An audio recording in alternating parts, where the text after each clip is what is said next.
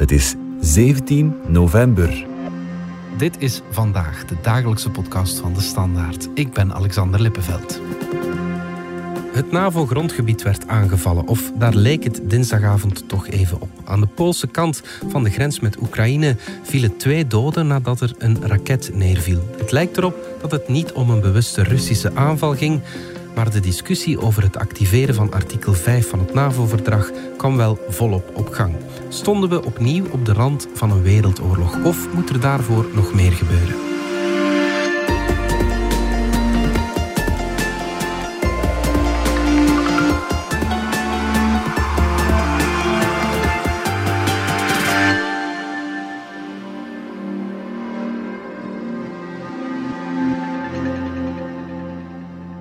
We are aware of the press reports alleging that two Russian missiles have struck a location inside Poland near the Ukraine border. I can tell you that we don't have any information at this time to corroborate those reports uh, and are looking into this further. And so when we do have an update to provide, we'll be sure to do so. Dat was de woordvoerder van het uh, Amerikaanse ministerie van Defensie, Patrick Ryder, dinsdagavond. Toen bleek dat er twee raketten neergevallen waren in Polen. Toen was er nog heel veel onduidelijk. Koen Vidal, chef van onze buitenlandredactie, neem ons even mee naar de Poolse grens dinsdagavond. Wat is er daar gebeurd? Wel, wat je dinsdagavond kon zeggen is dat er ja, projectielen, raketten waren ingeslagen op een dorpje op zes kilometer van de Oekraïnse grens, mm Pools dorpje. Mhm. Dat daarbij twee dodelijke slachtoffers waren, twee landbouwers. Ja, en dan, uh, dat ontketende natuurlijk een, een hele reeks uh, vragen. Mm -hmm. De eerste opwelling is natuurlijk, ja, was dit een Russische aanval? Mm -hmm. Bewuste Russische aanval op Pools grondgebied? Ja, dan zat je meteen met een, een, een bijzonder zware escalatie. Maar ja, alle opties moesten eigenlijk wel open blijven op dat moment. Ja. Het kon een, een afgeweken Russische raket zijn. Het kon ook een, een Oekraïense raket zijn. Of het kon ook een, ja, een, een Oekraïense raket die een Russische raket had proberen uit te schakelen. En dan een van de twee die daar geland waren. Dus er waren heel veel opties. In ieder geval zat je met het feit dat er een, vanuit die oorlog in Oekraïne een, een raket was neergekomen op Pools, dus NAVO-grondgebied. Ja, en weten we het ondertussen wat het nu effectief was, wat er geland is in, op dat Poolse dorpje? Jawel, het begint er toch steeds meer op te lijken dat het gaat om twee raketten, weliswaar van Russische makelij, maar dat het uh, Oekraïens afweergeschut was. Okay. Dus de, de oorsprong was Oekraïens, ja. dus niet Russisch. Goed, toegegeven Koen, we hebben even getwijfeld om deze podcast te maken, omdat woensdagochtend duidelijk werd dat het niet om een doelbewuste aanval van Rusland ging. Dat is ook wat NAVO-baas Jens Stoltenberg woensdag kort na de middag zei. Our preliminary analysis suggests that the incident was likely caused by a Ukrainian air defense missile fired to defend Ukrainian territory against Russian cruise missile attacks.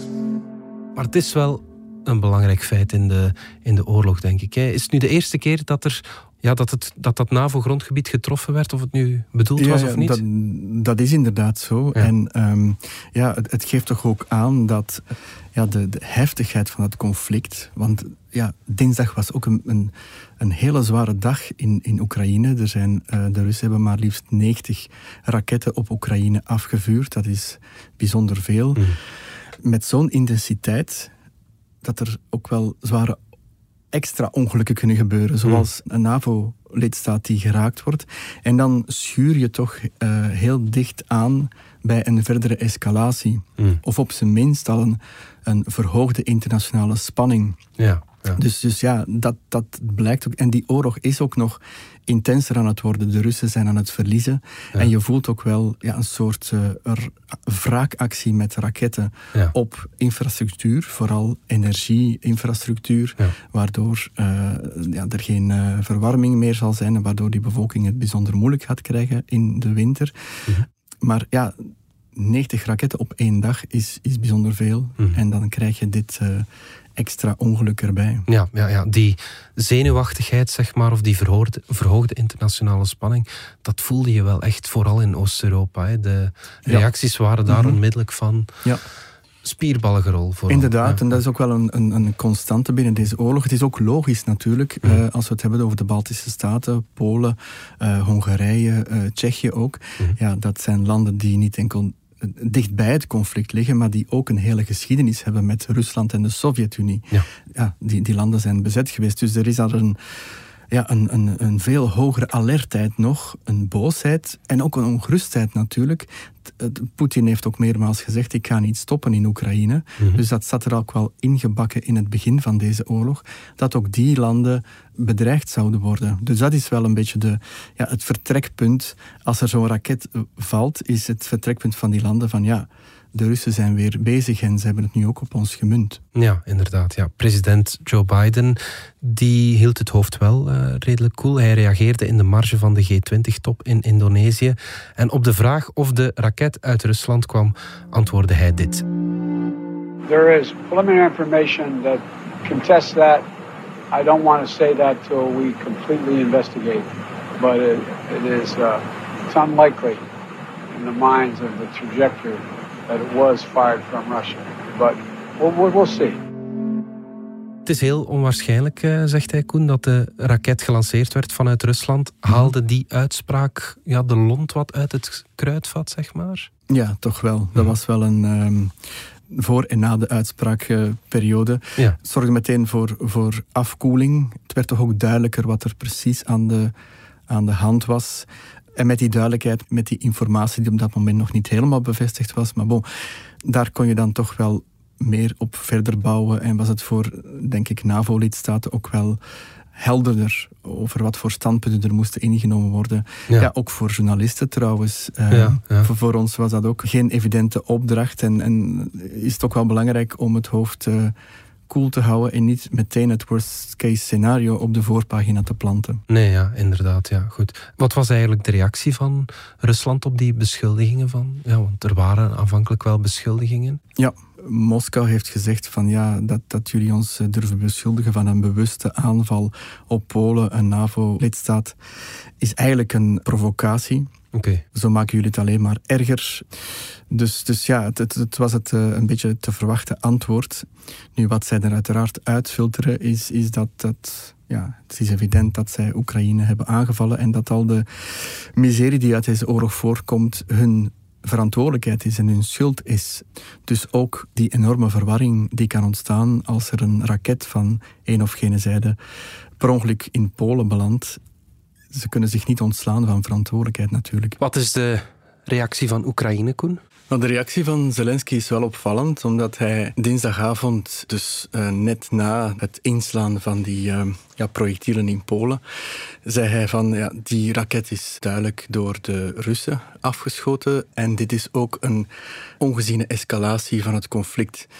Daarmee doelde hij dat het NAVO-land Polen geraakt was. En dus ook op dat moment voluit betrokken was in de oorlog. En dan krijg je natuurlijk de hele NAVO-discussie. Artikel 5 moeten dan uh, de andere lidstaten in actie schieten enzovoort. Dus Zelensky zat op die communicatielijn. Woensdagochtend kwam er dan toch een hele belangrijke communicatie van Joe Biden. Daar onmiddellijk aan toevoegend van ja, kijk, dit is niet de schuld van de Oekraïners. Die oorlog is begonnen door de Russen. En helaas is daar een luchtafweerraket of delen daarvan in Polen terechtgekomen, twee raketten. Ook NAVO-baas Jens Stoltenberg bracht die boodschap. Rusland draagt voor hem de verantwoordelijkheid. But let me be clear. This is not Ukraine's fault. Russia bears ultimate responsibility as it continues its illegal war against Ukraine. Dan dacht iedereen van oké, Zelensky gaat mee die bocht nemen, want ja, uiteindelijk is er voor hem, uh, er wordt geen schuld of verantwoordelijkheid gelegd op de Oekraïners, dus ja, hij heeft hier niks meer te winnen of te verliezen om zijn oorspronkelijke versie aan te houden. Maar in de loop van de dag zag je dan en kon je lezen dat ja, de Oekraïnse regering en Zelensky toch bij zijn oorspronkelijke versie bleef. En zei van ja, ik heb ten eerste geen enkel bewijs uh, dat dat, uh, wij, wij zien niks, dat het een Oekraïnse raket was. En wij hebben een spoor dat het toch een Russische aanval was. Dus dat blijft wel opmerkelijk en die tegenstelling is momenteel nog niet opgelost. En waarom houdt Zelensky dat vol? Ja, dat is een hele goede vraag. Dus dat wordt een beetje speculeren. Ten eerste moeten we even de, de context erbij halen, want ja, dinsdag en gisteren ook, maar dinsdag was een bijzondere heftige oorlogsdag met ja, tientallen raketten die over het Oekraïns grondgebied uh, gingen en insloegen. Wat je wel hoort is dat ja, Zelensky misschien zijn bocht trager wil nemen. Zijn communicatiebocht trager wil nemen. Dus het kan zijn dat de komende uren, komende dagen, dat men toch langzaamaan op dezelfde golflengte komt. Waaraan ligt dat dan? Ja, dinsdagavond, uh, wat ook wel opviel, is dat Zelensky vrij snel zijn klassieke eisen op tafel legde. De no-fly zone, extra bewapening. Dus um, ja, je kon ook wel merken dat hij van dat momentum gebruik wou maken om zichzelf te versterken. Ten slotte kan het ook zijn dat ja, alle informatie nog niet gedeeld is. Dat zou een beetje verwonderlijk zijn, omdat ook de Oekraïners mee in het onderzoek betrokken worden blijft wel opvallend. Het is ook de eerste keer dat Zelensky. Sommigen spreken over een communicatieblunder, want meestal is hij enorm goed in communiceren. Maar ja, op dit moment zit er wel spanning op de lijn.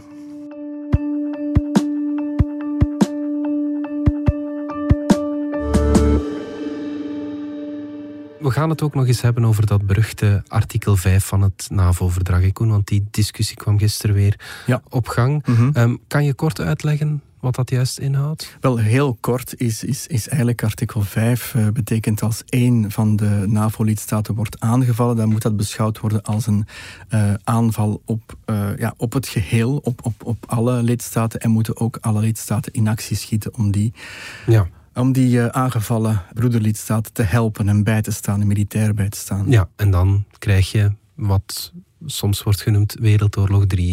ja.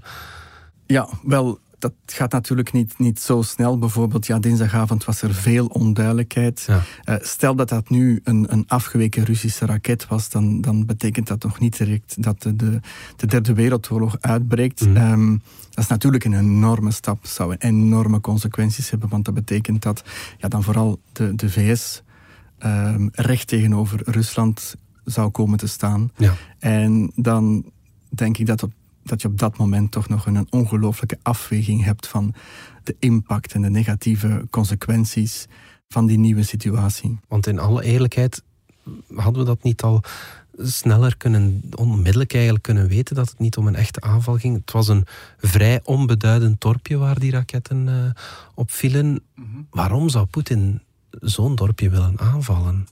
Nog even voor alle duidelijkheid, dus het waren geen Russische raketten, maar stel, stel, stel dat, is het ook niet. Het zou niet uit te sluiten zijn dat Poetin zoiets doet, omdat um, ja, het, typisch voor de Russische aanpak is dat het soms acties, uh, om acties gaat en, en aanvallen um, uh, die niet helemaal duidelijk zijn. Mm -hmm. Uh, dat is een beetje een handelsmerk. En uh, dat wordt ook gebruikt om twijfel te zaaien, om confuse situaties in het leven te roepen, um, ja, om, om angst te vergroten zonder dat je precies weet wat er aan de hand is.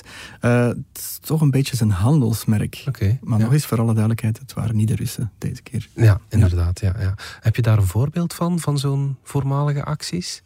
Wel, de, de Nord Stream aanval natuurlijk. Mm -hmm ja, we gaan er toch vanuit dat uh, het moet allemaal nog onderzocht en bewezen worden, maar uh, de, de kans dat de Russen het waren uh, is, is vrij groot. Ja. maar dat wordt ook niet opgeëist natuurlijk. Integendeel, de Russen steken het op, op andere, op andere daders. Um, en, en ja, daardoor ontstaat er toch een onduidelijkheid of een zweem van onduidelijkheid. Of je hebt believers en non-believers. Ja. Uh, en dat is iets, uh, ja, dat is wel een kolfje naar, naar zijn hand. Ja, oké, goed. Ja. Er kwam nog een nieuwe artikel in het vizier naast dat artikel 5. Dat is artikel 4. Wat houdt dat in? Artikel 4 is, is eigenlijk, je zou kunnen zeggen, het opstap naar artikel 5. Maar eigenlijk is het, uh, gaat het om een ja, formele bijeenkomst. En die wordt ingeroepen als uh, ja, de, de, territoriale integriteit van een van de lidstaten uh, bedreigd is. Ja. Dus dat is nog niet artikel 5 en dat hoeft ook niet noodzakelijk artikel 5 te worden. Maar de consequenties van die bijeenkomst is dat het op zijn minst al een, een, een, de bijeenkomst is van een zwaar rood knipperlicht. Mhm. Ehm, en ook wel dat er vaak ook uh, gevolg aan gegeven wordt in, in, in de vorm van extra bewapening of, of toch alvast uh, ja, extra troepen ja. uh, die gestuurd worden naar in dit geval Polen. Ja. Um, nu, dat, dat zal het waarschijnlijk niet worden, zo'n mm. artikel 4 vergadering. Maar mocht het dat geworden zijn, dan, dan waren daar waarschijnlijk ook wel consequenties aan vastgeknoopt. Zoals opnieuw extra... Meer militaire steun bijvoorbeeld. Ja, dat is ook wat er op 24 februari gebeurd is. Hè? Exact, ja. Nu goed, welk artikel het nu ook is, of, mhm. of dat nu wordt ingeroepen of niet. Ze komen wel samen hè, op woensdag, uh, de NAVO. Het is na dat we deze podcast opnemen, maar blijkbaar is de situatie toch urgent genoeg om, om de koppen nog eens gaan, te gaan samensteken. Ja, er is natuurlijk ook wel iets gebeurd. Hè, die, die op, op een bepaalde manier um, is die, die, die oorlog in Oekraïne toch um, uh, naar, uh, op een beperkte manier weliswaar naar Polen uh, overgeslagen. En, en ja, dat is, dat is wel een zwaar feit natuurlijk. Mm -hmm. En het lijkt me ook belangrijk dat de NAVO-lidstaten daar toch. Uh, het is eigenlijk ook een beetje een, een, een testcase hè, van, van wat als het, als het wel zwaarder zou geweest zijn? Stel dat het toch een, een Russische raket. Wat hadden we dan gedaan? Of wat beschouwen wij nu echt als artikel 5? Okay, ja. Heel concreet. Ja, ja, uh, ja, Is een nucleaire tactische aanval, waar je dus ook mogelijke fall-out hebt naar NAVO-lidstaten, is dat artikel 5? Ik denk dat zulke discussies ook wel gevoerd zullen worden. Niet dat dat noodzakelijk uh, naar buiten gecommuniceerd wordt, maar ja, het is toch, toch wel een, een, een shock geweest die doorheen alle NAVO-lidstaten is gegaan. Mhm. En alle, ehm, ja, alle ambassadeurs van die landen en alle regeringen van die landen hebben denk ik toch ook wel de denkoefening gemaakt van stel dat het wel zo geweest was, wat dan? Ja. Straks kijken we even naar de situatie op het terrein in Oekraïne zelf en naar de G20, want uh, daar is de afgelopen dagen ook heel wat gebeurd. Maar eerst gaan we even uit voor reclame. Ik ben Elke van Mello, radiostem en actrice. Hoewel ik in mijn job altijd mijn hart volg, moet ik als zelfstandige soms ook rationele keuzes maken. Dus rij ik met een plug-in hybride van Mercedes-Benz. Ik verbruik minder, rij vaak volledig elektrisch en fiscaal is het gewoon mijn beste optie. Dus slim gekozen, maar toch ook met het hart. Nieuwe bedrijfswagen? Bij Mercedes-Benz Heden Automotive maken we net als voor elke ook voor u graag een berekening op maat. Meer info op hedenautomotive.be.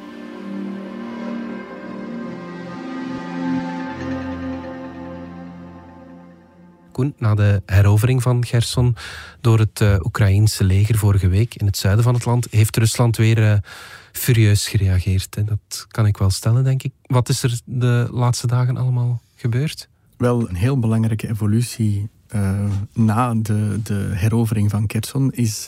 Uh, men had uh, misschien verwacht dat het Oekraïnse leger even zou pauzeren, ja. even op adem komen, want ja, dat is zo'n ongelooflijke belangrijke overwinning, ook mentaal voor, voor Oekraïne. Het was iets dat Zelensky al van het begin van de oorlog beloofd had. Ja. Kherson is door de Russen gepakt, ik ga het terugpakken. Die belofte is ingewilligd. Op dat moment dacht men van oké... Okay, um, even rusten, maar dat is niet gebeurd. Mm. Dus um, het Oekraïnse leger is blijven aanvallen. En je ziet ook wel dat um, ja, ze, ze, blijven gaan in de provincie Kherson. Mm -hmm. um, dat levert alleszins één enorm belangrijk uh, feit op. En dat is dat uh, een belangrijke dam in die provincie, uh, met een heel waterbassin, dat heel belangrijk is voor de energie uh, in uh, de Krim, ja. bezet door de Russen.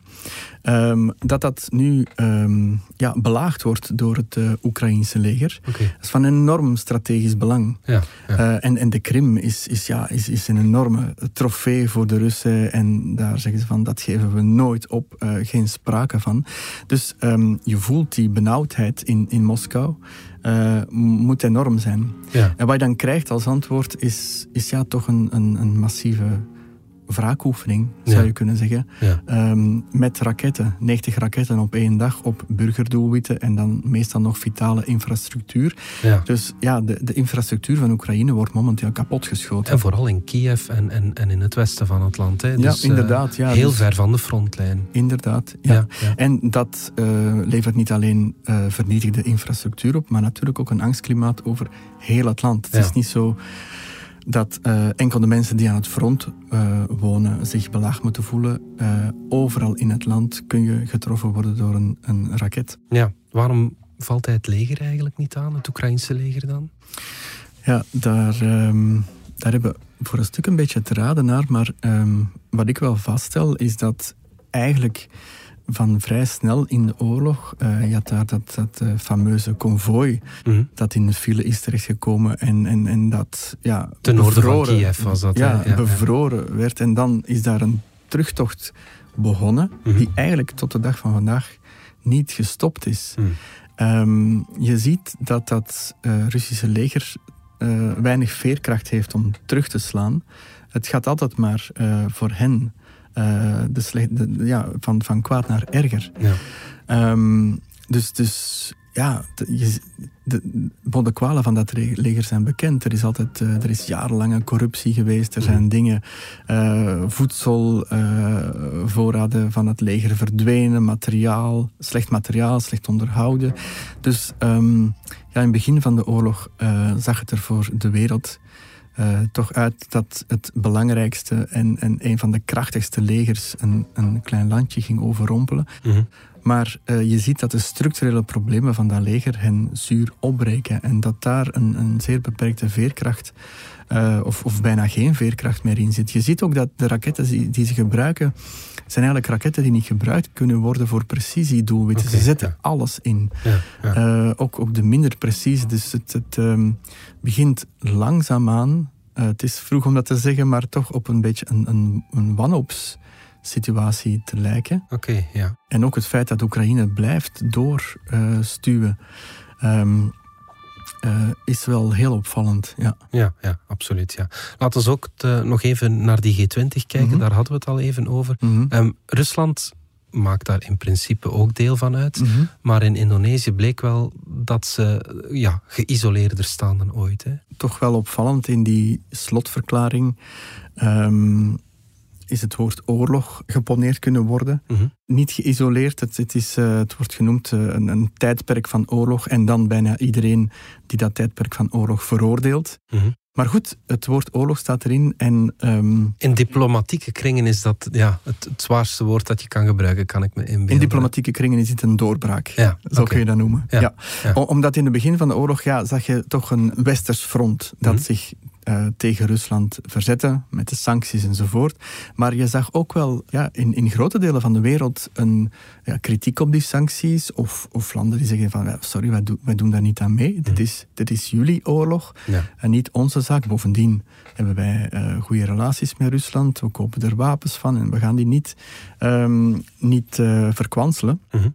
We willen het pragmatisch spelen enzovoort. Nu zie je dat toch een, een, um, ja, een kering in, met belangrijke uitzondering nog altijd China, die zich ook wel uh, hevig verzet tegen het woord uh, oorlog. Ja. Um, maar, maar, bijvoorbeeld India is ja, wel gekeerd. Ja, ja, er wordt gezegd dat die bewoording, een tijdperk van oorlog, uh, van, van, van India is geponeerd in de tekst en dan door iedereen aangenomen van ja, dat is eigenlijk wel een goede diplomatieke um, omschrijving. Mm -hmm. Nu, voor wat betreft China, uh, die hebben heel moeilijk gedaan daarover. Maar tegelijkertijd heeft, uh, heeft uh, China wel gezegd van ja, die nucleaire dreiging is iets waarmee wij niet kunnen leven, is, is totaal uh, niet geoorloofd. Dus dat is toch ook wel ja, uh, kritiek op, op Poetin. Ja. Dus je ziet dat, dat um, hij bijzonder geïsoleerd komt te staan. Ja. Tot slot, Koen, was de afgelopen week misschien... Ja, het is een woord dat ik al vaak gevraagd mm -hmm. heb aan jou en jouw collega's, maar een keerpunt in deze oorlog? Wel, ik denk dat, dat, dat Kerson toch een, een mentale opdoffer is... Uh, voor, voor, voor Moskou, voor het uh, Poetin-regime. Mm. Nu, naar buitenuit uh, kun je dat niet zien. Uh, blijft dat regime communiceren zoals het altijd gecommuniceerd heeft. Um, er wordt natuurlijk ook wel gesproken van een interne machtsstrijd. Mm -hmm.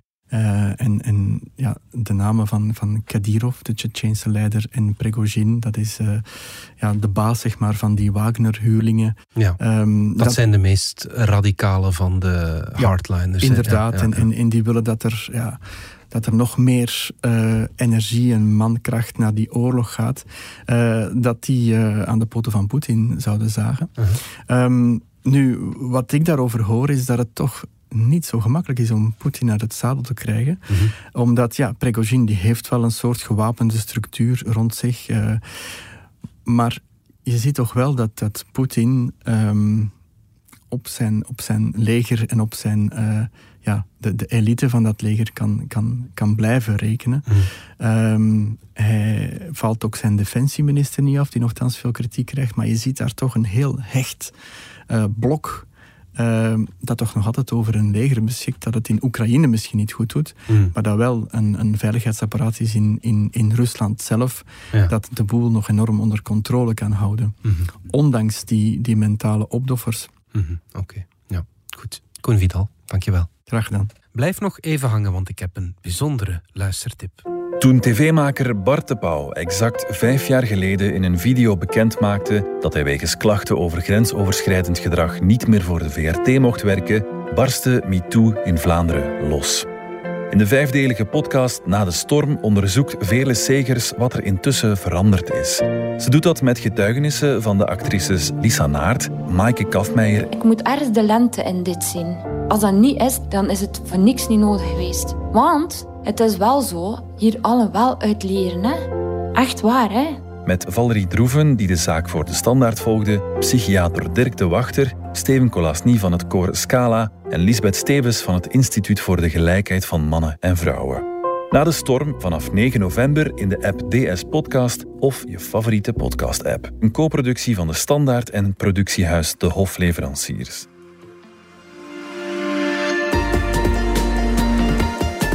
Dit was vandaag de dagelijkse podcast van de Standaard. Bedankt voor het luisteren.